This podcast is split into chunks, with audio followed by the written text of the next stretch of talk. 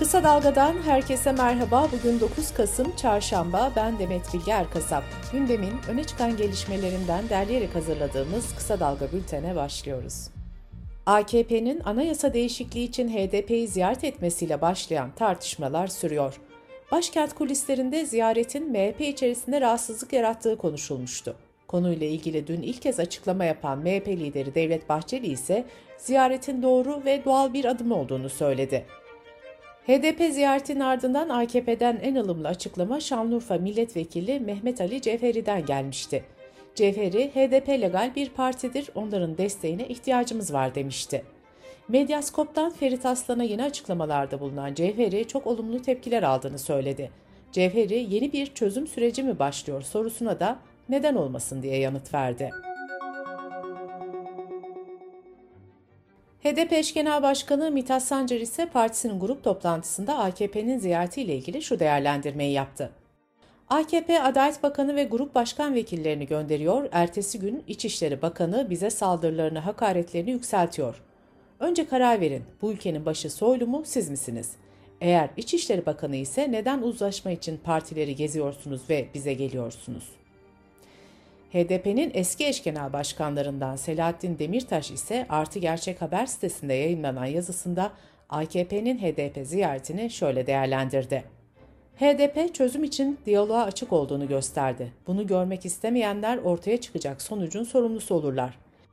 HDP ile görüşmeyi kendine zul sayıp antidemokratik tutumunda ısrar eden muhalefetin gönlü hoş olsun diye HDP'liler siyasetin kapılarına kilit mi vursaydılar?'' CHP Genel Başkanı Kemal Kılıçdaroğlu ise partisinin grup toplantısında uyuşturucu baronları ve kara parayı Türkiye getirmekle suçladığı iktidar için tuz koktu, su çürüdü derken partisine de nefsine hakim olmayan kimseyi yanımda tutmayacağım diye seslendi. Kılıçdaroğlu'nun gündeminde İstanbul Büyükşehir Belediye Başkanı Ekrem İmamoğlu hakkında YSK üyelerine hakaret suçundan açılan dava da vardı. Bu dava kapsamında İmamoğlu'na siyasi yasak gelebileceği yönünde iddialar gündeme gelmişti. Kılıçdaroğlu, Ekrem İmamoğlu'nu kimseye yedirmeyiz. Ekrem İmamoğlu kolay lokma değildir, boğazınızda kalır diye konuştu. Türkiye sansür yasasını tartışırken yargıdan önemli bir karar geldi. Tunceli'de 5 adet portatif tuvalet için resmi açılış töreni düzenlendi başlıklı haberle ilgili Tunceli Emek Gazetesi'nin imtiyaz sahibi Hüsniye Karakoyun ve sorumlu yazı işleri müdürü Mahmut Karakoyun hakkında sansür yasası gerekçe gösterilerek suç duyurusunda bulunulmuştu. Tunceli Cumhuriyet Başsavcılığı ise haberin yayınlandığı tarihte yasanın yürürlükte olmadığı tespitini yaptı. Savcılığın takipsizlik kararında basın özgürlüğü adına önemli tespitler de yer aldı. Anka Haber Ajansı'ndan Sinan Tartanoğlu'nun haberine göre savcılık, haberin yayınlanmasında toplumsal ilgi ve kamu yararı bulunmaktadır dedi. Avrupa İnsan Hakları Mahkemesi'nin kararlarına da gönderme yapan savcılık, gazeteciler bir dereceye kadar abartma hakkına sahiptirler değerlendirmesi yaptı. Avrupa İnsan Hakları Mahkemesi, HDP'nin eski eş genel başkanı Figen Yüksekdağ ve diğer 12 HDP'linin dokunulmazlıklarının kaldırılıp tutuklanmalarının hak ihlali olduğuna karar verdi. Karara göre Türkiye 184.600 euro tazminat ödeyecek. Cumhurbaşkanı Erdoğan'ın İstanbul Kadıköy Şahkulu Sultan Derneği'nde açıkladığı Alevi açılımı meclis önüne yansımadı.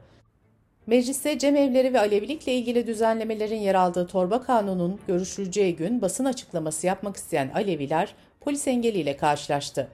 Gerilimin ardından polis grubun meclis parkına yürümesine izin verdi. Burada yapılan açıklamada eşit yurttaşlık vurgusu yapıldı ve cem ibadetimiz cemevleri ibadethanemizdir denildi. AKP milletvekilleri tarafından hazırlanan 21 maddelik torba kanun teklifinde yer alan düzenleme, Alevi kurumların tüm itirazlarına rağmen komisyon görüşmelerinde kültür ifadesiyle kabul edilmişti.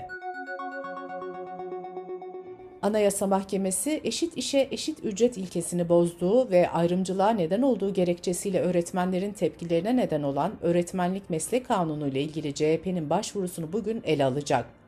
14 sendikanın çağrısıyla geçtiğimiz günlerde bir gün iş bırakan öğretmenler yasaya tepki göstermişti. Öğretmenler bugün de saat 10'dan itibaren Anayasa Mahkemesi önünde meslek nöbeti tutacak. Habertürk televizyonunda katıldığı programda ekmek aptal toplumların temel gıda maddesidir. Bizim toplum ekmek ile doyduğu için başında 20 senedir böyle yöneticiler duruyor diyen Ekmek Üreticileri Sendikası Başkanı Cihan Kolivar gözaltına alındı. Gözaltına alınmadan önce AKP sözcüsü Ömer Çelik, Kolivar'ın sözleri nefret söylemidir, milletimizi ve ekmeği aşağılayan açıklamaları hadsizliktir demişti.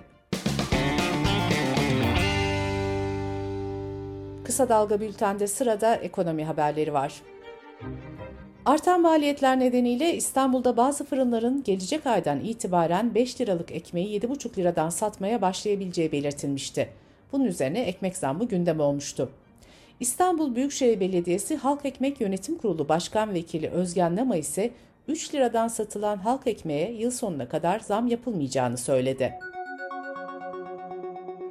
Enerji ve Tabi Kaynaklar Bakanı Fatih Dönmez, Rusya ile Türkiye arasında ruble ticaretinin kısmen başladığını belirtti. Bakan Dönmez, son görüşmemizde bir mutabakat söz konusu. Teknik bir takım çalışmaların tamamlanması gerekiyor. Kısmen ruble üzerinden ticaret başladı, dedi.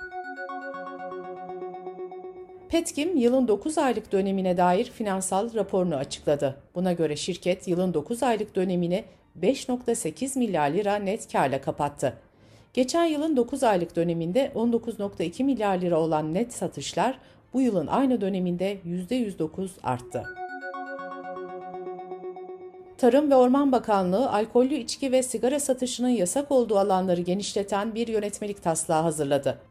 Milliyetteki habere göre özellikle gece geç vakitlerde alkollü içkilerin bulunabildiği nadir yerlerden olan akaryakıt istasyonlarında artık içki satılamayacak. Yönetmelik taslağına göre kültür, eğitim ve öğretim, spor hizmeti ve sağlık hizmeti verilen yerlerde sigara satılamaması ile ilgili düzenleme de genişletilecek. Tarım ve Orman Bakanlığı Bitkisel Üretim Genel Müdürlüğü verilerine göre zeytin üretimi %71, zeytinyağı üretimi ise %79 arttı. Bakanlık bunun bir rekor olduğunu kaydetti. Dış politika ve dünyadan gelişmelerle bültenimize devam ediyoruz. Yunanistan Başbakanı Mitsotakis, Girit Adası'nın güneybatısında doğalgaz bulmaya yönelik sismik araştırmalara başlayacaklarını açıkladı. Bu hamlenin Türkiye ile deniz yetki alanları konusunda yaşanan gerilimi yeniden arttırmasından endişe ediliyor. Bu arada Yunanistan, Ukrayna Savaşı ile birlikte enerji ve güvenlik alanında artan önemi nedeniyle Dede Ağaç Limanı'nı özelleştirmekten de vazgeçti. Yunan hükümeti enerji krizinde Dede Ağaç'ı Doğu Avrupa için potansiyel bir enerji merkezi olarak görüyor. Burada yüzen doğalgaz depoları kurulması ve sıvılaştırılmış doğalgazı yeniden gaz haline dönüştürme tesisi kurulması planlanıyor. Bu gelişmeler olurken Avrupa Birliği Konseyi de Doğu Akdeniz'deki sondaj faaliyetleri nedeniyle Türkiye uyguladığı yaptırımları 12 Kasım 2023 tarihine kadar uzatma kararı aldı. Avrupa Birliği, Türkiye'nin Doğu Akdeniz'deki doğalgaz arama faaliyetleri nedeniyle 2020 yılında Türkiye Petrolleri Anonim Ortaklığı'nın iki yöneticisini yaptırım listesine almıştı.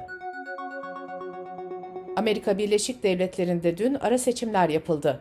ABD Başkanı Joe Biden ve Donald Trump seçimden önce yaptıkları son açıklamalarda seçmenlerini ikna etmeye çalıştı. Joe Biden, Cumhuriyetçilerin olası zaferinin ülkedeki demokratik kurumları zayıflatabileceğini söyledi. Donald Trump ise 15 Kasım'da Florida'da çok önemli bir açıklama yapacağını belirtti. Bu seçim 6 Ocak 2021 seçimlerinde Trump destekçilerinin ABD Kongresi'ni basmasının ardından gerçekleştirilecek ilk ulusal seçim olacak. Cumhuriyetçiler hayat pahalılığından ve artan suç oranlarından Biden'ı sorumlu tutuyor. Twitter'ın yeni sahibi Elon Musk da Cumhuriyetçilere oy verme çağrısı yaptı. Bültenimiz yayına hazırlandığında seçim sonuçlarına ilişkin bilgi gelmemişti. Nijerya Hastalık Kontrol Merkezi'nden yapılan açıklamada özellikle şiddetli yağışların yol açtığı sellerin ardından ülkenin farklı eyaletlerinde kolera salgının patlak verdiği belirtildi. Ülkede Ocak ayından bu yana 11.820 kişiye kolera teşhisi konuldu. 382 kişi hayatını kaybetti. Dünya Sağlık Örgütü 2022'deki sıcak hava nedeniyle en az 15 bin kişinin hayatını kaybettiğini duyurdu.